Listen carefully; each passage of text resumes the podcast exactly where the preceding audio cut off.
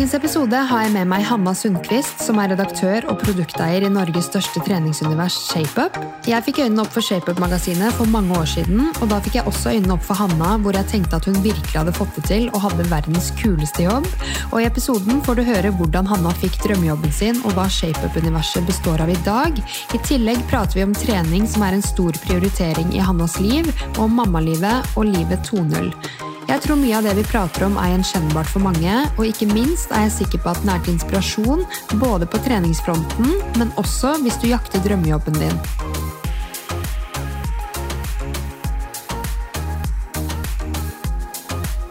Hanna!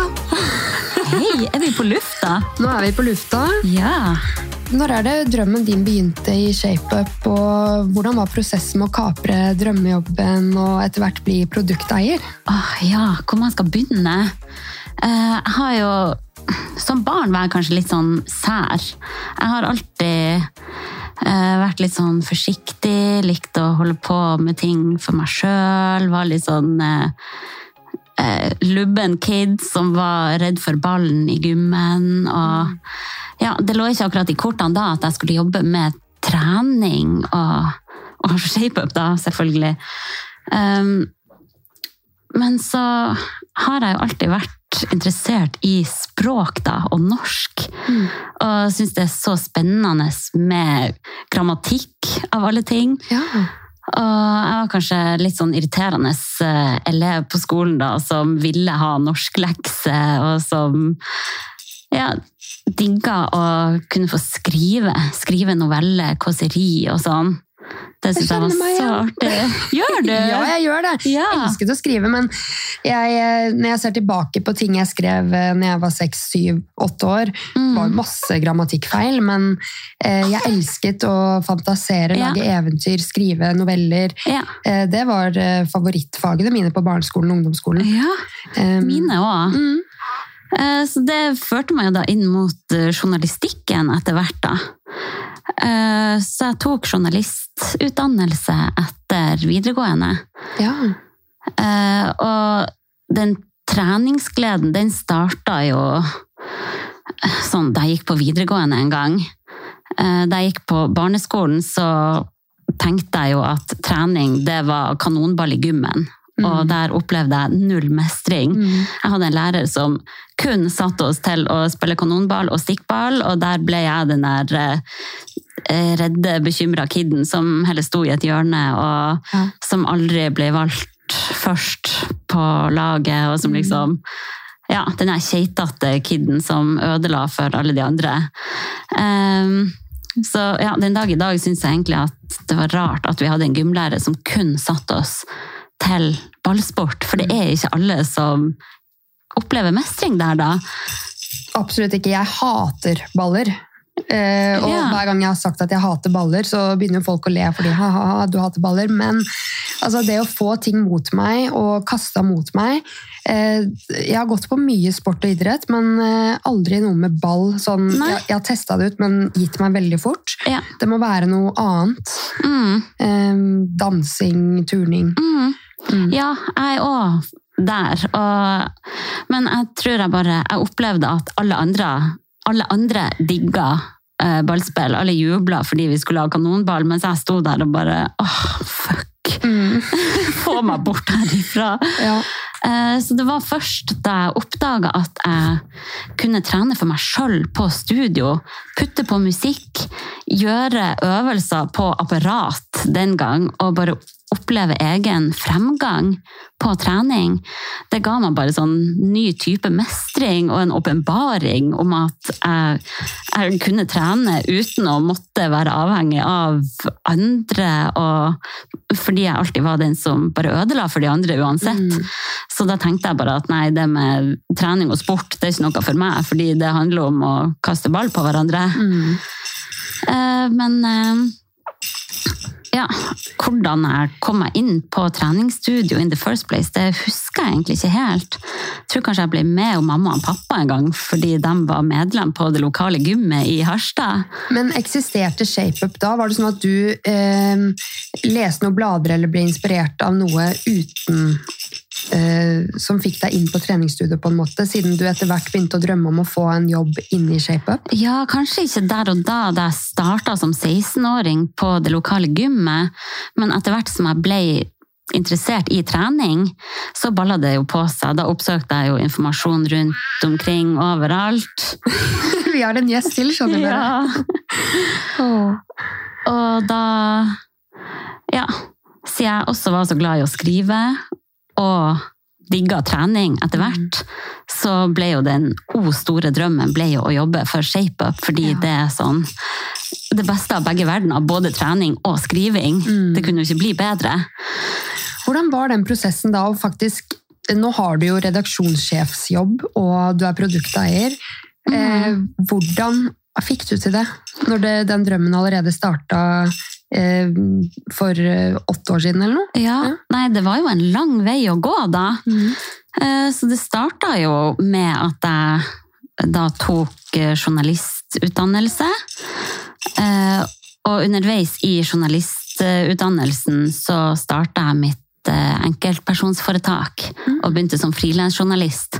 Og oppsøkte alle slags merkevarer rundt omkring. Og starta å levere saker til klikk.no. KK, Kvinneguiden, Det Nye. Eh, nei, så da starta med å levere saker til eh, ulike merkevarer, da. Eh, men jeg hadde jo hovedmålet langt der fremme var jo å få levere saker til ShapeUp. Mm. Så jeg var jo allerede da, mens jeg var journaliststudent, var jeg veldig på redaksjonen der og maste på dem og kom med tips til ideer hele tida og sendte dem saker. Og det var jo veldig mange ganger jeg bare ikke fikk svar. Mm. Eh, Men, eh, Men hvordan takla du avvisning da? Fordi jeg tror det er det folk er redd for når de skal Ja. prøve å få en fot inn et sted. Ja. Eh, tenk hvis jeg ikke får svar, eller tenk hvis de sier nei. Mm, men det er jo det verste i gåsetegn som kan skje, det er jo at man får et nei. ja. Men hvordan takla du avvisning? Jeg tror jeg, jeg syns jo det var kjipt, for jeg ville jo bare komme meg rett til ShapeUp med en gang. Eh, Men jeg hadde liksom så mye andre greier jeg styrte med samtidig, fordi jeg skrev til masse andre merkevarer og var travelt opptatt med journaliststudie og alt mulig. Så det var litt sånn, ja ja, da prøver jeg litt senere igjen. Kanskje det er en annen idé som passer bedre. Ja. Så Ja. Du, du tok det med et smil og tenkte at det Jeg gjorde egentlig det. Ja. Jeg tenkte ikke at å, nå sa de nei til den saken, da bye bye. Nei. Da prøver jeg aldri igjen. Nei. Så det du, gjorde jeg ikke. så du ga deg rett og slett ikke, og til slutt så fikk du tilbud om å bli redaksjonssjef. Hvordan, hvordan var det? Ja, eh, det var jo sånn, Først så fikk jeg jo endelig noen av mine saker på trykk i ShapeUp, da. Og bare det var sånn Wow, Ja. se det er min byline i ShapeUp! Ja. Da hadde jeg jo allerede hatt mine saker på trykk i KK og det nye, og sånn som kanskje var større da, men jeg var sånn Det er ShapeUp jeg skal ha! ja. Så kult. Eh, så ja. Eh, og så balla det bare på seg derifra. Jeg fikk mer og mer ansvar som frilansjournalist. Eh, etter hvert fikk jeg ansvar for å arrangere covershoot og holde i alle tråder der, og organisere med fotograf og klær og location og alt sånt. Sånn som jeg nå ser jeg jo litt på det som en drittjobb. Ja. Eller det er jo mye styr, da. Det er jo artig, men det er mye styr. Ja, jeg, men da er du litt sånn potet, da, som gjør litt Ja. mye forskjellig. Ja, men jeg syns jo da, back in the days, var jo det så kult å få det ansvaret, og jeg organiserte covershoots, og jeg, jeg husker jo en shoot veldig godt da, der jeg spanderte smoothie på hele crewet fra Smoothie Exchange, betalte fra egen lomme, den fattige frilanskontoen min blødde. Men hva gjør Men, man eh, ikke? Hva gjør man ikke for å imponere litt? Og det der Ja. er litt gøy at du tar opp, fordi ehm, altså, eh, du gjorde det jo med, fra hjertet ditt. Det var jo ikke bare for å liksom smiske deg innpå, sikkert. Du ville glede Ja. de, og du var takknemlig sikkert for at du Ja. var en del av teamet. Og det er litt sånn jeg også gjør her. Jeg er takknemlig for moderne media, at jeg fikk Mm. et samarbeid og har kommet med øl flere ganger. da. Ja, så hyggelig!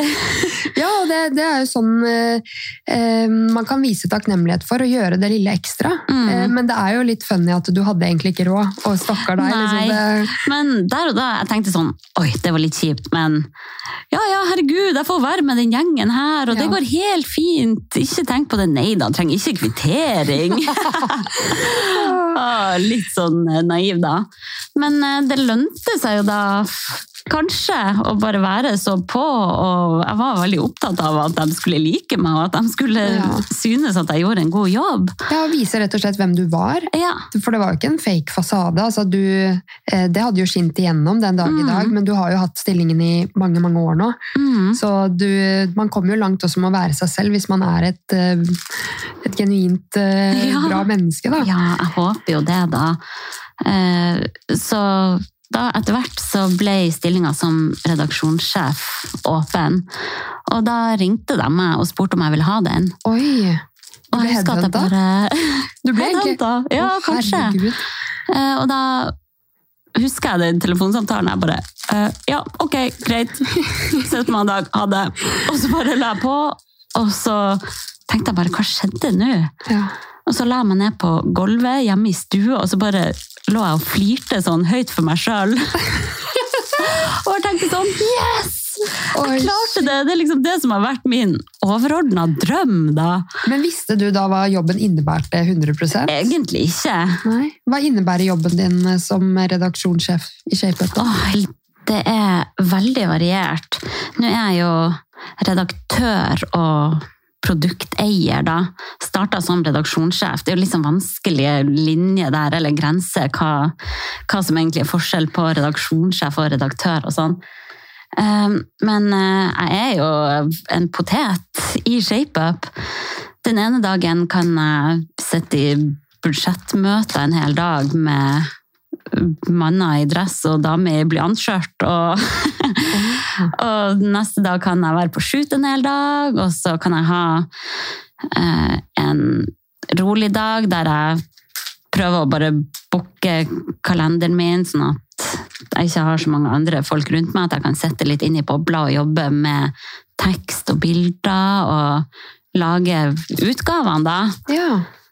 Um, Hva, Ja. hva innebærer det å være produkteier, da? Fordi jeg er ikke så kjent med det begrepet. Nei, det, du spør godt. Det er jo veldig Veldig mye, egentlig. Men det er jo også Det innebærer jo å ha et budsjettansvar, da. Mm. Og at du er med på å påvirke hva ShapeUp er og skal, og Mm. mm. Være med i budsjettmøter med ja, Ja. ledelsen over meg igjen, og ja, legge frem Sånn her ser vi for oss at det skal bli. Eh, vi trenger det og det og det, og så må man få go. Ja. Budsjett virker veldig vanskelig, men er du Det god med gjør tall? det, og det er virkelig ikke min sterkeste side. Så det er litt sånn Oh shit, her må jeg bare jobbe med å sette meg inn i alt det her, sånn at det ikke blir noe tull. Og så Ja, det er det jeg egentlig strever mest med i jobben min, da. For jeg, er, jeg har ingen mattehjerne. Jeg er mer på språk og samfunnsfag. Ja. Det har alltid vært min, min greie, da. Um, men har du noen råd til folk som ønsker en fot inn et sted? Altså, mange drømmer jo om noe annet enn der de er. Ja. Um, og som kanskje har engasjement og motivasjon på plass, men de har kanskje mm. ikke riktig utdannelse. Mm. Eh, hvordan kan man uh, tørre å ta det første steget til å bemerke seg litt? Nei, det er, jo, det er jo bare å tørre, da. Man må jo bare ikke gi seg. Eh, Men det er jo ikke eh, så enkelt, det heller. Det handler jo litt sånn om tilfeldigheter. At det åpna seg en stilling for meg akkurat da, og at Mm. jeg var ledig og kunne si ja. Det er jo Mm. litt tilfeldigheter, litt flaks kombinert med hardt arbeid, da. Ja. Eh, For jeg får jo veldig mange henvendelser fra folk som ønsker å jobbe i ShapeUp. ja. Og Det jeg kan får du sikkert fra meg om noen år. Så jeg tror jeg faktisk har søkt noen greier for mange år siden òg. Det, det å bemerke seg litt det kan virke skummelt, men um, det er, hva er det skumleste som kan skje? Det er jo bare at man eh, får et du får nei. et nei, og da får du bare prøve senere igjen, da. Mm. Det er uansett en god erfaring å Mm. skrive en søknad, Ja, ja. og kanskje ta en telefon, eller være på jobbintervju. Man lærer sykt mye av å være på jobbintervju også. ja, ja. Eh, Så at man bare tør å hoppe i det, da.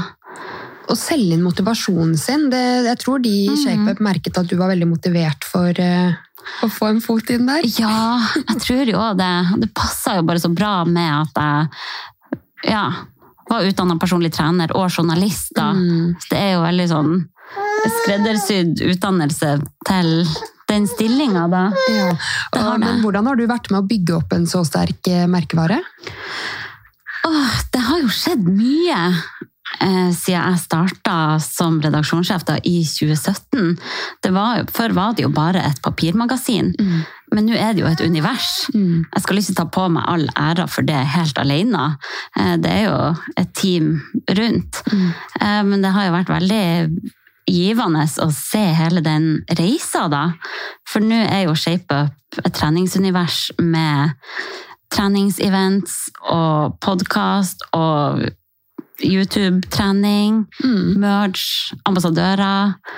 Ja. Fordi Ja. jeg elsket å lese ShapeUp og abonnerte på det, som sagt. Ja. Og eh, det er jo ikke det at jeg sikkert hadde abonnert på det i åtte år, og jeg også eh, følger mer med digitalt, så jeg er jo en av Mm. de som kanskje går over på det digitale, men det at det fortsatt eksisterer og selges, da. Hvem er det som Mm. eh, holder fast ved det i ShapeUp-universet? Er det deg? Er det noen andre som sørger for at det ruller og går? Ja, vi er jo en gjeng. Nå har jeg jo en vikar.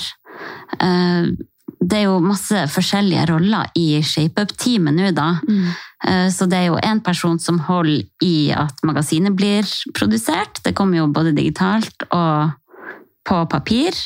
Eh, Men eh, noen av utgavene er kun digitalt også. Mm. Eh, Og så har vi jo eventansvarlig, og så har vi en selger og forretningsutvikler.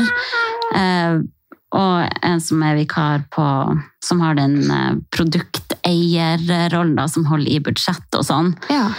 Ja. Eh, Men jeg er veldig nysgjerrig på hvordan jobben og planleggingen foregår før disse eventene, når dere drar på Vestlia og fyrer Mhm. resort. Og, eh, hva kreves i forkant, og hvordan blir det så vellykka? på en måte? Ja, herregud, det er jo en stor jobb. Eh, mange av disse arrangementene ruller og går litt sånn på automatikk fordi vi har gjort det så mange ganger.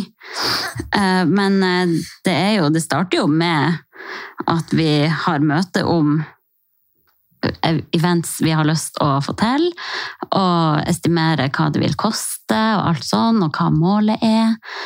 Og så må vi jo få go lengre opp for å faktisk kjøre på og gjøre det. Og så må vi ha dialog med den plassen vi skal samarbeide med, da, om det er Vestlia Resort på Geilo eller om det er et leilighetshotell i Spania. Mm. Så må man jo ha tett dialog hele tida med, med der man skal være, da. Og så må man jo ha møter med ja, instruktører man vil ha med, og så må man legge markedsføringsplan. Mm. Og det er veldig masse sånn små detaljer også, alt fra hva skal være i goodiebagen, eh, hvordan annonsører skal vi ha med, Mm. hvem skal pakke goodiebagsene. Ja. Eh, ja. Å herregud, Eh, ja, det høres ut som en uh, mye planlegging. Det er mye forarbeid, så Mm. det er sånn, når eventet først skjer, så er jo den største jobben gjort egentlig. Ja. Selv om vi er jo avhengig av å være masse folk til stede på eventet også, som bare, det er jo alltid deltakere som har masse forskjellige spørsmål, og som kanskje ikke finner frem, og ja, på forrige gang nå på Vestlia Resort så var det plutselig en stor hundebæsj midt der vi skulle oh, ja. ha dansetime, da Ja. hvem fjerner den? Det er liksom, ja, det Så det er småting til store ting. ja, stå på stand, organisere stands til de andre som skal Altså annonsører som skal være med og selge sine ting. Uh, ja, så det er jo mye, mye jobb. Men det er så verdt det. Ja, Hva er ditt beste minne hittil, da? For du har sikkert fått være med ja. på helt sinnssykt mye gøy av reiser, events, eh, fotoshoots. Altså, Mm. eh, hva er det, det første som dukker opp hos deg? Åh, det første som dukker opp, det er treningsreisa jeg var på for tre uker siden nå. Ja. Da arrangerte ShapeUp sin første treningsreise. Å, var det første? Ja, det var første treningsreise. Å, for jeg så jo mye av dette på Instagram, men jeg Ja. trodde at dere var eh, rutinert på disse reisene og sånn. Nei, Men- det var Shapers i første treningsreise som da skjedde Kult. i Fungirola, eller de sier vel Fungirola, Fungirola, -hmm. eh, like utenfor Marbella. Ja. Og bare den euforien. Jeg tok meg sjøl i å stå på stranda der i palmesusen med klump i halsen og bare så på den gjengen som var der og trente med oss, og som motiverte hverandre. Og det å være vitne til den treningsgleden jeg fikk være med å skape hos andre Mm. nede på stranda der, og vi ble sammensveisa gjeng. og ja, det var helt, helt fantastisk. Mm. Og der var vi jo en gjeng på Yngste var 19, eldste var 50, og det er liksom det er alle slags folk som møter opp, da. Mm. Uavhengig av treningsnivå og bakgrunn. Mm. Men sammen finner vi den treningsgleden. Og jeg bare er så takknemlig for å få være med og være vitne til det, da. Ja, og det høres, eh, høres ut som en drømmejobb. Ja, men det er jo mange Herregud, jeg har jo så mange gode minner i ShapeUp, da. Mm. Jeg husker jo fortsatt den første utgaven som kom rett fra trykkeriet, som var den første utgave med meg som redaksjonssjef. Ja. Og bare å åpne utgaven da og se sånn Oi, det er min leder! Shit! Mm. Yes, jeg klarte det! ja. Så det er jo sånn, ja. Oh, men du har også vært forsidepike på Forsidepike for ShapeUp, du har det? Ja, Ja. jeg har det. Var det en sånn For mange jenter drømmer jo om å være forsidepike når de er små. På, Ja, ja, ja.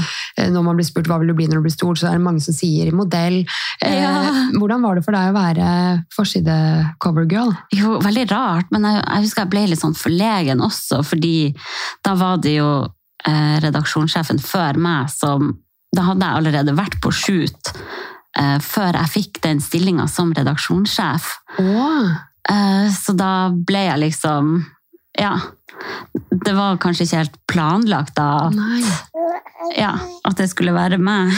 nei, jeg Så jeg husker jeg ble sånn Hallo, folk må ikke tro at jeg har satt meg sjøl på cover. Det, det var noen andre som bestemte det. Så jeg husker at jeg, jeg klarte liksom ikke å synte, og synes at det var så kult, fordi jeg bare tenkte sånn Å nei, hva, hva vil folk tro, liksom? Ja. Ja, Det skjønner jeg. Det hadde jeg nok tenkt selv, men det er jo fint at da har vi fått avklart det. Nei. Ja. Nei, men det er veldig kult at du fikk være covergirl, og at du eh, har fått den stillingen du har i dag. Eh, men jeg tenkte vi må jo litt innom trening og mammarollen. Og, Ja. eh, og jeg lurer på, liksom, når du drar på jobbreise sånn der, da, hvordan er det å kombinere en treningsreise hvor du skal være på med deltakere som har betalt for å være med, Mm. eh, samtidig som du fullammer, mm. har en Mhm. liten en. ja. Det er en kabal som må gå opp. Den uka jeg var i Spania nå, var jo første gang jeg var ei hel uke borte fra han eldste sønnen min på to og et halvt år. Ja. Eh, Så bare det var jo sånn, ja, masse tårer. Og, oi! Mest tårer for min del, da, Mm. egentlig. Han klarer seg nå fint. Ja. Eh, Men så hadde jeg jo med meg barnevakt okay. med til Spania, da, Mm. som passa han minste her mens jeg Gjorde det du måtte gjøre. Ja. Ja. Eh, Men det er klart, man finner jo ikke helt roen da, når man vet at Oi, nå nå er han borte fra meg. Tenk hvis han er sulten. Det var liksom noen ganger jeg måtte vekke han for å få amma før jeg dro for å holde time. Og ja, det er jo litt sånn orging, da. Mm. Men igjen, alternativet er at jeg bare blir hjemme, da, og at jeg ikke får vært med på noe. Mm. Så jeg bare prøver å ta det ned og være takknemlig for alt jeg får til Mm. med baby. Men jeg får nå bare ta han med og satse på at det går bra. Syns du det koster mer enn det smaker å si ja til ting noen ganger? Når du har eh, nylig født, da, han er fem måneder, Ja. eh, kjenner du på det at du er litt rask med å si ja, og gjør du det for din egen del? Eh, F.eks. podkast, Ja. innspilling, gjester andres podcaster, eller gjør, si ja til andre ting på jobb. Eh, Mm. Eller er det verdt det, syns du? Eh, hvis du hadde spurt meg med førstemann, så hadde jeg sagt nei. Mm. For da var jeg så stressa med alt, og bare han lagde en liten lyd, ble jeg jo helt på tuppa. Ja. Men jeg kjenner jo nå at jeg er mye tryggere i mammarollen. Mm. Og mye mer sånn Ja, jeg tar han jo bare med, og så Det som Ja. skjer, det skjer. Han får være med på mitt liv, og Ja. jeg syns det er veldig deilig å å finne litt meg sjøl igjen også, og ikke kun være i babybobla, men å kunne styre litt med podkast og sånn. Jeg er så enig, ja. Ja. Eh, Men det krever jo litt, og man blir kanskje sliten etter man har vært med på ting. Og Ja. sant? Bare det at du sitter her nå, det krever mye energi fra deg tankemessig òg, ikke sant? Mm. Fordi Jakob skal ha din fulle oppmerksomhet. Eh, og, ja, jeg merker jo at jeg er jo ikke helt ved mine fulle fem, her jeg sett. Det må jeg innrømme. ja, men det er jo det som er litt sjarmerende òg, fordi det er jo dette her folk kjenner seg igjen i. De kjenner seg jo ikke igjen i en som har alt under kontroll. Det er aldri noe avbrytelser. Det er aldri Vi trenger å liksom se at dette her er mammalivet. Det er Det er, mammalivet. det er sånn det er å ha Livet barn. skjer, og jeg vil bare at eh, Ja, jeg prøver nå å leve litt mitt gamle liv, selv om jeg har blitt mor, da. Mm, Jeg tror det er viktig at man ikke bare forsvinner helt inn i babybobla. Eller selvfølgelig, det var alt jeg ville forrige gang, og da var det riktig. Mm, Men nå føles det mer riktig å gjøre litt mer andre ting, da. ja. Forrige gang var det jo også korona, da satt jeg jo kun inne med babyen. Eh, Men det passa meg bra da, for det var alt jeg ville. Jeg torde ikke å gå ut døra nesten. Nei. Så det er bare så deilig å kjenne at jeg er så mye mer komfortabel denne gang, da. Det er noe med det å lande i mammarollen. For min del tok det rundt to og et halvt år før jeg Ja. kunne si at nå, nå er det godt å være mamma på en måte sånn 100% Jeg elsket jo barnet mitt fra første sekund i 2019, men det tar tid å lande i mammarollen, og det er mye stress første gang man skal få et barn. Det er veldig overveldende for mange, i hvert fall for meg. Det er jo det største man kan oppleve. Og man må bare øve seg på å møte livet i den nye tilværelsen. Ja. liksom. Det, Man må det. Men eh, fikk du trent noe når du gikk gravid med gutta dine? Ja, jeg gjorde det. Eh, Jeg tror nok jeg var veldig heldig med begge mine graviditeter. Jeg har eh, trent helt til siste slutt Ja. på begge to, og det har hjulpet meg så mye for topplokket. Mm. Bare det å kunne putte på musikk, puste og pese litt for meg sjøl. Ja. eh, Bare lufte hodet, rett og slett. Mm. Eh, Men jeg har nok kanskje takla dårligere sånn Hodet mitt har takla dårligere å være gravid enn det kroppen min har gjort, kanskje. Ja. Først og fremst fordi jeg syns det Det må være lov å si at jeg syns det er litt eh, dritt å kjenne at man bare blir større og tyngre. Og jeg har jo ja, lenge vært vant til å bare kunne springe og hoppe og løfte og være høyt og lavt, og Mm. plutselig å bare føle seg som en kolspasient, det er jo Ja. ikke så deilig, da. Nei, nei, nei. Nummer én var jo ikke planlagt i det hele tatt. Nei. Så det var jo veldig sånn omstilling. Jeg var jo 27 år og så for meg at ja, jeg skal vel ha barn en gang langt frem i tid, men eh, ikke nå. Jeg hadde jo alle slags planer om surfetur til Bali, og jeg skulle løpe maraton, og jeg hadde det så artig på jobb og med venninne. Og ja, jeg følte at jeg var på et veldig godt sted da. Så det å stå der med en positiv graviditetstest, det, akkurat der og da så føltes det ut som verden raste sammen. Det er så rart å tenke på nå når jeg ser de to barna jeg har fått, som bare betyr alt i verden for meg. Så ja, jeg er så glad det bare skjedde. Men nå snakka jeg meg helt bort fra spørsmålet ditt. Nei, men jeg Eh, synes det er fint du ja, nevner det, fordi alle de tankene og følelsene som følger med å gå gravid Ja. etter fødsel, eh, når barna har kommet. Mm. eh, Og det det er ikke sånn at det, eh, det er riktig at det bare skal føles fint hele veien. Altså, vi må anerkjenne at det følger med ganske mange eh, Det kan følge med vonde følelser, vanskelige følelser, Mm. og sånn er det bare. Sånn er det bare. Så jeg var nok heldig sånn fysisk med begge mine graviditeter. Jeg trente masse og så på trening bare som eh, ja, et fristed for å få lufta hodet i alle disse tankene jeg hadde. Spesielt med første, da. Der jeg gikk og bare var kjemperedd for hva jeg hadde i vente, og ja, var forberedt på å bare måtte leve et helt annet liv. Jeg visste at livet, fra nå kommer livet mitt til å bli helt annerledes, men jeg aner ikke på hvordan måte. Kan jeg spørre på hvilken måte har du merket at livet har forandra seg etter du ble mamma? Åh, alt er jo annerledes. Det det er jo livet 2.0. Mm. Alle som er foreldre, vet jo bare Ja, kan kjenne seg igjen i det, da. Ja. Livet blir helt annerledes, men til det bedre, vil jeg si da. Ja. Ja, selvfølgelig er det et slit også, men det er verdt alt slitet. Mm. Når jeg ser på de to små skapningene som er mine, og ja, mm. som betyr hele verden min. Etter fødsel, da? Hvordan har du trent deg tilbake, eller sånn Får du trent i hverdagen? Ja, altså, kroppen er jo fantastisk. Den ordner jo bare opp. Mm.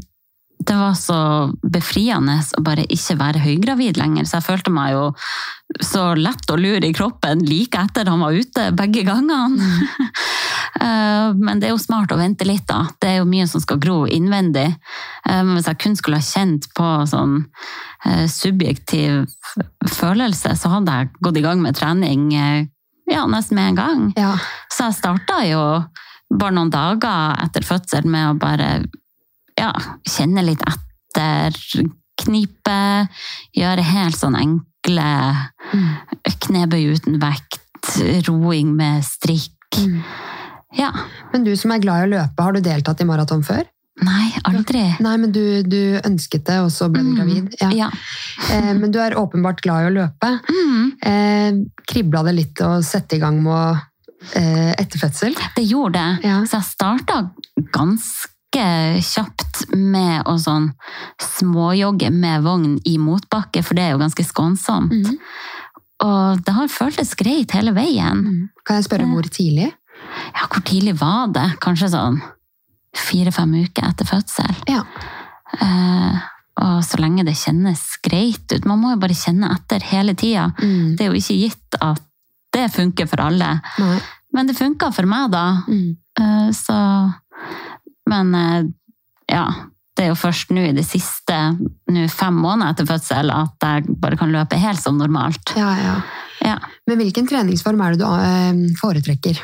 Åh, vet du hva? Jeg har jo et luksusproblem der, for jeg liker så godt så mye forskjellig. Mm. Jeg har lyst å løpe, klatre, danse, gjøre yoga, styrketrening. Jeg digger det også. Mm. Elsker sånn crossfit-inspirert trening med hardkjør, bootcamp-følelse og Nei, alt mulig egentlig. Litt av alt. Ja. Så jeg blir liksom jeg blir aldri skikkelig rå på én ting. Jeg er bare sånn jevnt over Ja. i grei form på det meste, da. Mm. Bortsett fra ballspill, da, som fortsatt er litt Ja. sånn uh, Samme her. Kommer nok ikke til å begynne på fotball, liksom. Nei. Men hverdagsaktiviteten den øker ganske greit når man får to barn, da. Det gjør den definitivt. Så man er mye fysisk aktiv, og jeg hadde Ja. en forsker her faktisk, som forsker på trening før og etter fødsel. Ja. Eh, Og hun snakket om dette at all fysisk aktivitet Nei, all trening er fysisk aktivitet, Mm, men det er ikke all fysisk aktivitet som er trening. nei. Så man er i hvert fall mye fysisk aktiv etter man Ja. får barn, fordi Ja. man må løpe etter og bli med på leken og Man er høyt og lavt med ja, bare man har en liten som Ja. er all over, så er man jo ja, Hvis man har skritteller på seg, så ser man jo at eh, det blir ganske mye bevegelse i løpet av dagen. Ja, ja. Og det er jo bare bra. Men hva gjør du på en umotivert dag? Hvis du skjønner at eh, du ikke er motivert, rett og slett. til å trene, Ja. eller ja. Eh, Det er jo den eh, godfølelsen etterpå da, som motiverer meg veldig. Og så noen ganger må man bare akseptere at trening kan være litt dritt. Mm. Det skal ikke alltid være en fryd å komme seg opp av sofaen og komme i gang. Jeg tror kanskje det å hindre mange at man tenker sånn, det er veldig mye snakk om at trening skal være lystbetont. Mm. Og ja, man skal finne noe man liker, og sånn jevnt over skal man digge det man gjør, liksom. Men det er ikke alltid sånn at det frister å komme seg på trening. Nei. Så bare det å klare å stå litt i det ubehaget, komme seg over kneika og bare ja, akseptere det. Mm. Noen ganger er det kjedelig å vaske klær òg, men det Ja, må bare man- gjøres. ja. Men eh, mange også har jo sånn tidsperspektiv på trening, at man må trene Ja. en time eller eh, løpe ti kilometer og sånn. Men jeg har hørt deg si i andre podcaster at eh, noen ganger så er du bare fornøyd med 20 minutter, og den Mhm. backer jeg så hardt. fordi hvis man løper fem kilometer på under 25 minutter, da, så er det mer enn bra nok. Om det er, ja. Herregud, det er jo dritbra. Mm. Man må jo bare være fornøyd med alt man får til, alt er så mye bedre enn ingenting. Mm. Den største fella man kan gjøre, er jo å leve et inaktivt liv. Ja. Samfunnet er skapt for at vi skal sitte i ro hele tida, og det er fristelser på hvert hjørne. Hjørne. Så man må jo bare jobbe imot Mm. kroppens instinkter. Mm. Vi er jo skapt for å spare på energi, eh, så ja, Mm. man må bare akseptere at det kan være litt kjipt å komme seg i gang, men veldig kjapt vil man finne den godfølelsen som trening vil gi, da. Mm. For deg så kommer det jo naturlig at man ønsker å ha det i livet sitt, og Mm. prioriterer rett og slett trening. Det gjør det for min del også. Eh, og mange har lyst til å komme i gang, men de sliter med å komme i gang. Mm. Eh, hva slags tips har du til de? De som sliter med å komme i gang med trening. Men som ønsker, og liksom, Ja. de vet at det er bra for dem, men de, de sliter med Ja. å komme i gang. Jeg tror veldig mange har en sånn enten-eller-tankegang. Eh, Man møter opp på gymmen, og så ser man folk rundt som springer mye fortere enn deg, eller som løfter mye tyngre enn deg, og så føler man seg dritt for at man ikke er der. Men alle er på sin egen reise, og man må starte en plass. Mm. Eh, Så bare prøv å unngå å sammenligne seg med alle andre rundt. Ha Mm. fokus på deg sjøl og ditt. Det er din egen helse som burde være hovedpri. Mm. Og prøv å bare ta det ned. Det er jo veldig mange som eh, drømmer om å løpe, og så begynner man å løpe, og så er det bare Man går fra null til 100 på et blunk, Mm. og bare vil løpe ei mil med en gang. Mm. Ta det ned. Ta deg en rolig joggetur på 20 minutter, der du jogger rolig ett minutt, går i ett minutt. Mm. Bare vær fornøyd med det lille du får gjort, da. Mm.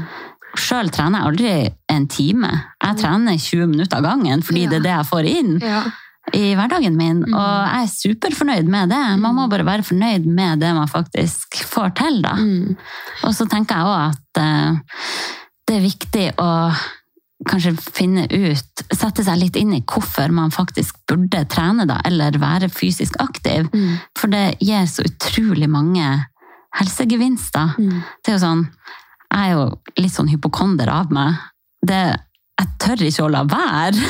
Nei, altså, For det du, du, du er redd liksom- for at du eh, kan bli syk og Ja, når man helse. ser hvor ekstremt mange fordeler det er da, mm. med å holde seg aktiv. Det er jo han Ole Petter Gjelle, treningslegen. ja. Han sier jo at hvis trening hadde fantes i pilleform, så hadde absolutt alle tatt den. Og det er sant. Det er sant, Ja. for det har, så, det har kun gode helsegevinster Mm. og ingen negative bivirkninger. Mm. Annet enn at ok, kanskje det tar 20 minutter av hverdagen din, da, som du kanskje heller har lyst til å bruke på noe annet. Men ja.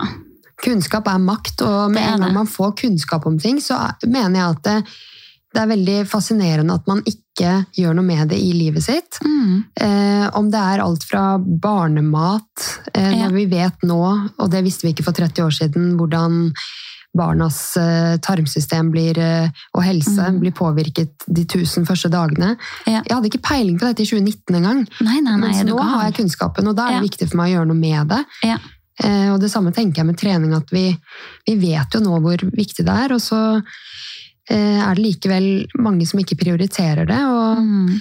det kan jo være 100 årsaker til det, men eh, det å bare høre at det trenger ikke å være så lenge, det trenger ikke å være så eh, Du skal ikke få til det samme som eh, hun du ser opp til på Instagram, på en måte. Nei.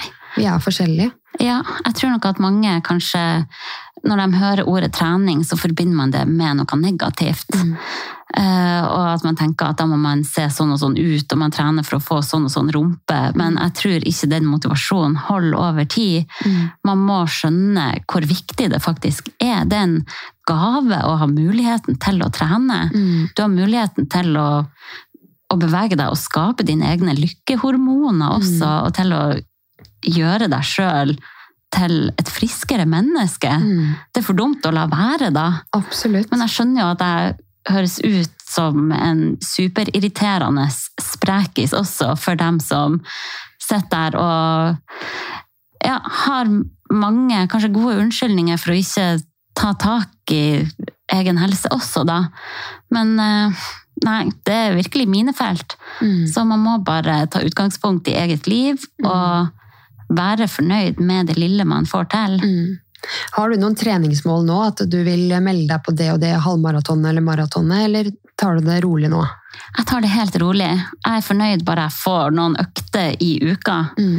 Uh, Mitt mål er å føle meg bra. Ja. Uh, Men jeg har aldri vært sånn der uh, person som har jaga veldig etter sånn konkrete treningsmål. Skal løpe så og så fort på den og den tida, eller løfte så og så tungt. Jeg vet ikke, jeg blir ikke så motivert av det. Mm. Min største motivasjon er å føle meg bra, ha overskudd, få godfølelse, være en sunn og frisk mamma som kan leke med barna mine, og som kan Leve leve, et langt liv. Ja, ja. leve et langt liv med mine barn. Jeg er skikkelig enig. Eh, men jeg er litt interessert i å høre eh, For man eh, er jo en person, og så får man barn, og så fødes man på en måte på nytt som mor. Mm. Hvordan eh, pleier du deg selv, holdt jeg på å si? Gir deg selv egentid, egenpleie? Hva gjør du for å bare kjenne på å være Hanna? Ja, det er jo treninga, da. Mm. Kjedelig svar, men det er jo der jeg virkelig bare kobler helt ut og har fokus på meg sjøl og mitt. Mm. Eh, trening, isdusj etterpå, og så noe god mat mens jeg bare slapper av. Du også Det- dusjer i kaldt vann? Ja, Gjør du det? åh, nydelig. Fader, så like vi var da. Gjør du Hater det? baller, dusjer i kaldt vann, var, liker å trene. Ja, Har to jeg- gutter. Jeg har to gutter på nesten samme alder, men eh, ja, jeg avslutter alltid dusjene mine. Jeg kan godt Ja. dusje i lunka varmt vann, men alltid så avslutter jeg med å skylle hele meg og Ja. ansikt og hår og alt med veldig, veldig kaldt. Da. Åh, det er så deilig. For da føler jeg at det, det er en sånn fresh start på dagen. Ja, men da har jeg gjerne jogga først, eller trent først, Ja, ja. sånn at jeg er veldig varm. Ja, jeg gjør det ikke på kvelden. Nei. Det vil si jeg starter dagen med å Ja. trene, og så rett inn i isdusjen etterpå. Mm. Åh, nydelig. Ja. Nei, så det gjør jeg jo for meg sjøl. Altså, når man har to barn, bare det å ha tid til å ta seg en lang dusj og vaske hår og sånn, det er jo luksus. Mm. Og faktisk det med toalett, fordi, eller toalett, det å sitte på do. For jeg, husker jeg hørte liksom, ja, man, Har man ikke tid til å sitte på do? Eh, Jeg syns liksom den har gått igjen veldig mye. Ja. Men det er jo faktisk sant. Det er vanskelig å fullføre eh, nummer to, for eksempel, Ja. eh, med to barn. Og til og med tisse. altså Samboeren min i går han bare Jeg har faen ikke fått tissa ferdig engang når han la seg i senga fordi det var mye hylling og skriking og sykdom og sånn. da, Så vi måtte opp på Ja. Jobb i går kveld, og da da får man ikke tissa ferdig den stråla, liksom. Det er, alt blir mye mer vanskelig. Så egentlig det å få sitte på do i fred også, det er luksus. Ja. Sitt der og, og bare høre 'Mamma, Ja. er du ferdig?' Nei, ellers egentid. Jeg er jo veldig glad i å henge med venninner da, og få litt sånn annen input. Det har jo blitt mindre venninnetid i det siste, så jeg setter veldig pris på det når jeg bare kan henge med venninne, gå på kafé, ta et glass eh, bobler på takterrassen. Mm. Ja. Har det med relasjoner det bare kom jeg på nå, har det med relasjoner og vennskap rundt deg, ser du annerledes på det etter du fikk barn, eller er ting likt på den fronten? Eh, Det er jo ingen hemmelighet at man nedprioriterer jo å henge med venner når man er i en hektisk småbarnstilværelse. Da er det jo familien først, og så er det jobb, og så skal man få trent, og ja. Så det har jo blitt mindre venninnetid, men da setter jeg jo desto mer pris på den tida når jeg faktisk er med venninne, da. Mm. For jeg kjenner at jeg trenger det å skravle med venninne også, og bare blåse ut litt til dem, og Mm. Ja. Er det de samme vennskapene du har hatt, eh, står de like sterkt etter du har fått barn, hvis du skjønner? Ja, jeg har noen, eh, noen vennskap som er der gjennom tykt og tynt. Og så er det jo andre jeg ikke har like god kontakt med nå etter jeg har fått barn, da. Mm. Eh, Fordi ja, vi lever jo to vidt forskjellige liv, da. Mm. Så ja. Det blir veldig, vi er i en litt sånn sårbar alder når man er i slutten av 20-årene eller starten av 30-årene. Fordi det, eh, når man var ungdommer, så eh, skjedde det så mye felles. Vi møttes Mm. der, eh, store gjenger. Mens nå så er alle på forskjellig sted. Ja. Noen har fått barn, noen er forlova, noen har gifta seg. Noen er bare lever det gode singelliv, Mm. flytter utenlands. Altså det, Ja. Man blir så spredt. ja. Så det er nesten litt sånn sårbart også at den tiden er forbi. Ja, det er jo det. Jeg kan jo til tider savne mitt gamle liv også, og bare savne den friheten. Bare sånn oh shit, Beyoncé skal ha Ja. verdensturné, jeg må få det med meg, men Ja. ah, det er no chance at det går nå. Mm. Eh, Så selvfølgelig, men jeg ville ikke ha bytta livet mitt sånn som det er nå, mot noe som helst annet uansett. Nei. Du, jeg spurte jo på Instagram eh, om noe innspill. Hva er det dere syns er interessant eh, å høre på da, av podkast Mm. og sånn? Eh, og det som gikk igjen mye, var trening og mammarollen og samliv. Ja. Par, parforhold også gikk veldig mye igjen. Eh, føler du at eh, du og samboeren din får litt tid til å bare være kjærester? Og kjenne på parforholdet? Eh, eller går det i ett med familielivet AS, på en måte? Eller skiller dere litt på det? Ja, godt spørsmål.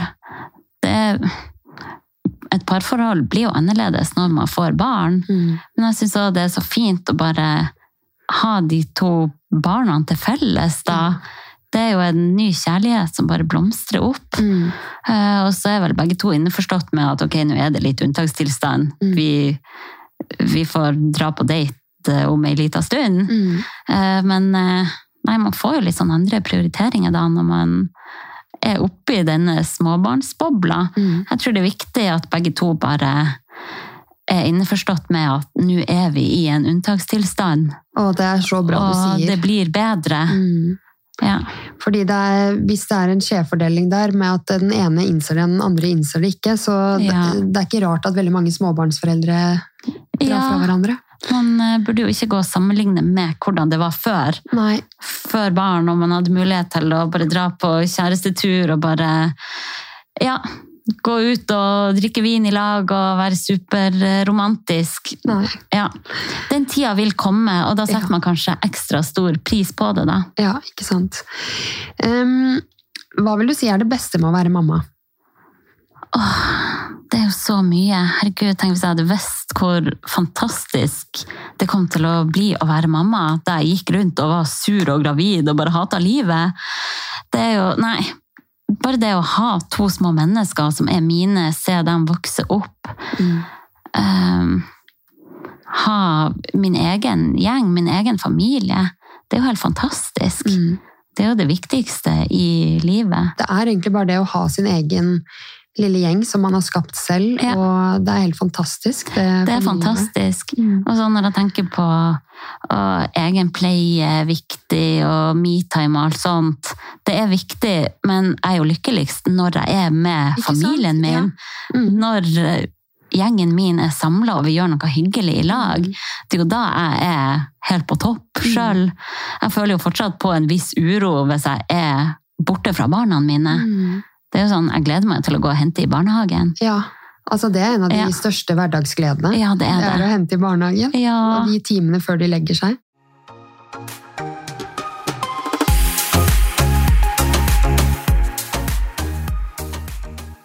Hvordan starter du uken best mulig? Ja, nå er jeg jo i permisjon, så dagene er ganske like sånn eh, ut ifra eh, ja, hverdag og helg. Men eh, beste starten på uka eller på en dag er jo hvis jeg får trent. Ja. God kaffe fra Kaffebrenneriet, Mm. som jeg trakter hjemme da. ja. Og trening.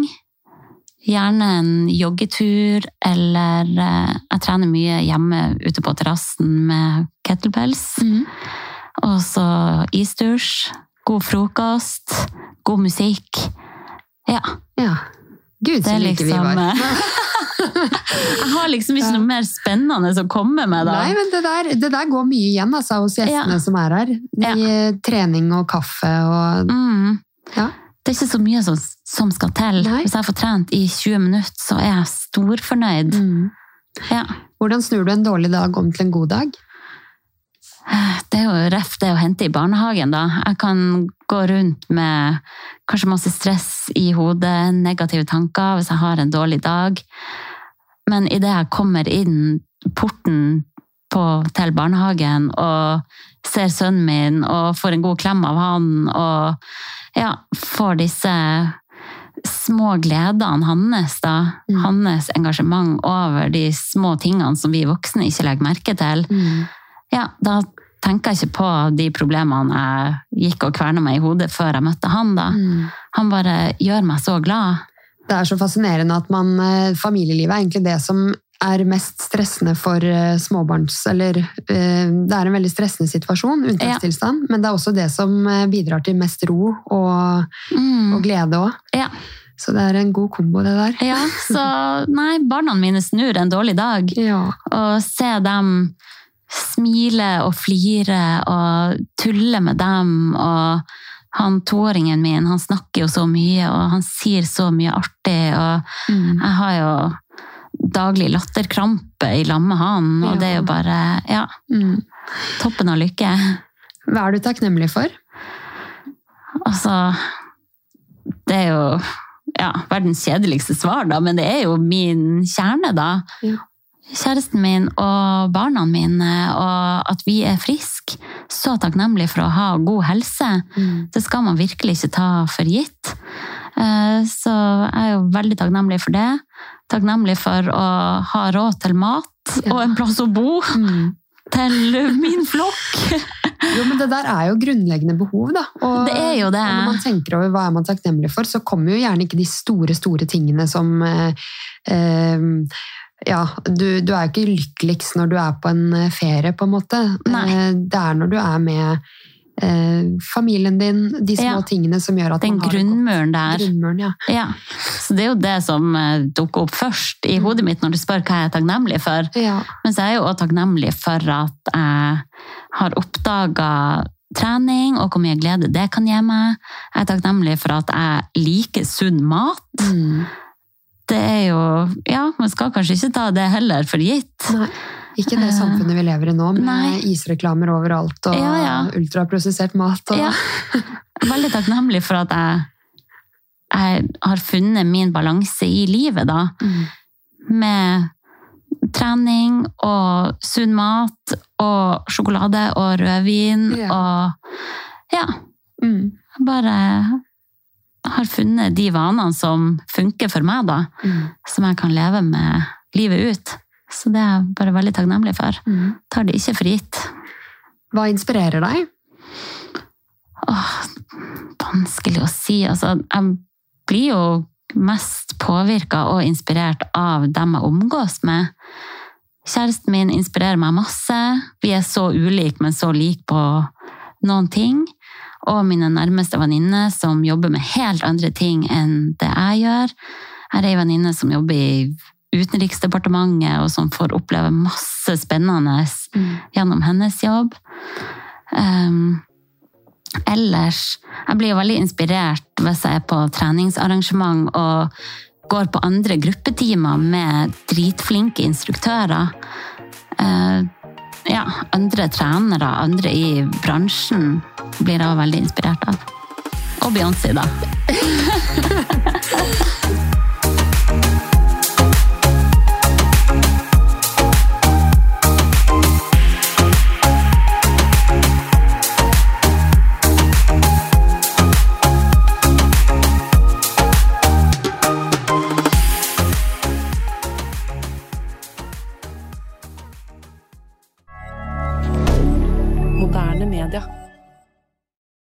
Har du et enkeltpersonforetak eller en liten bedrift?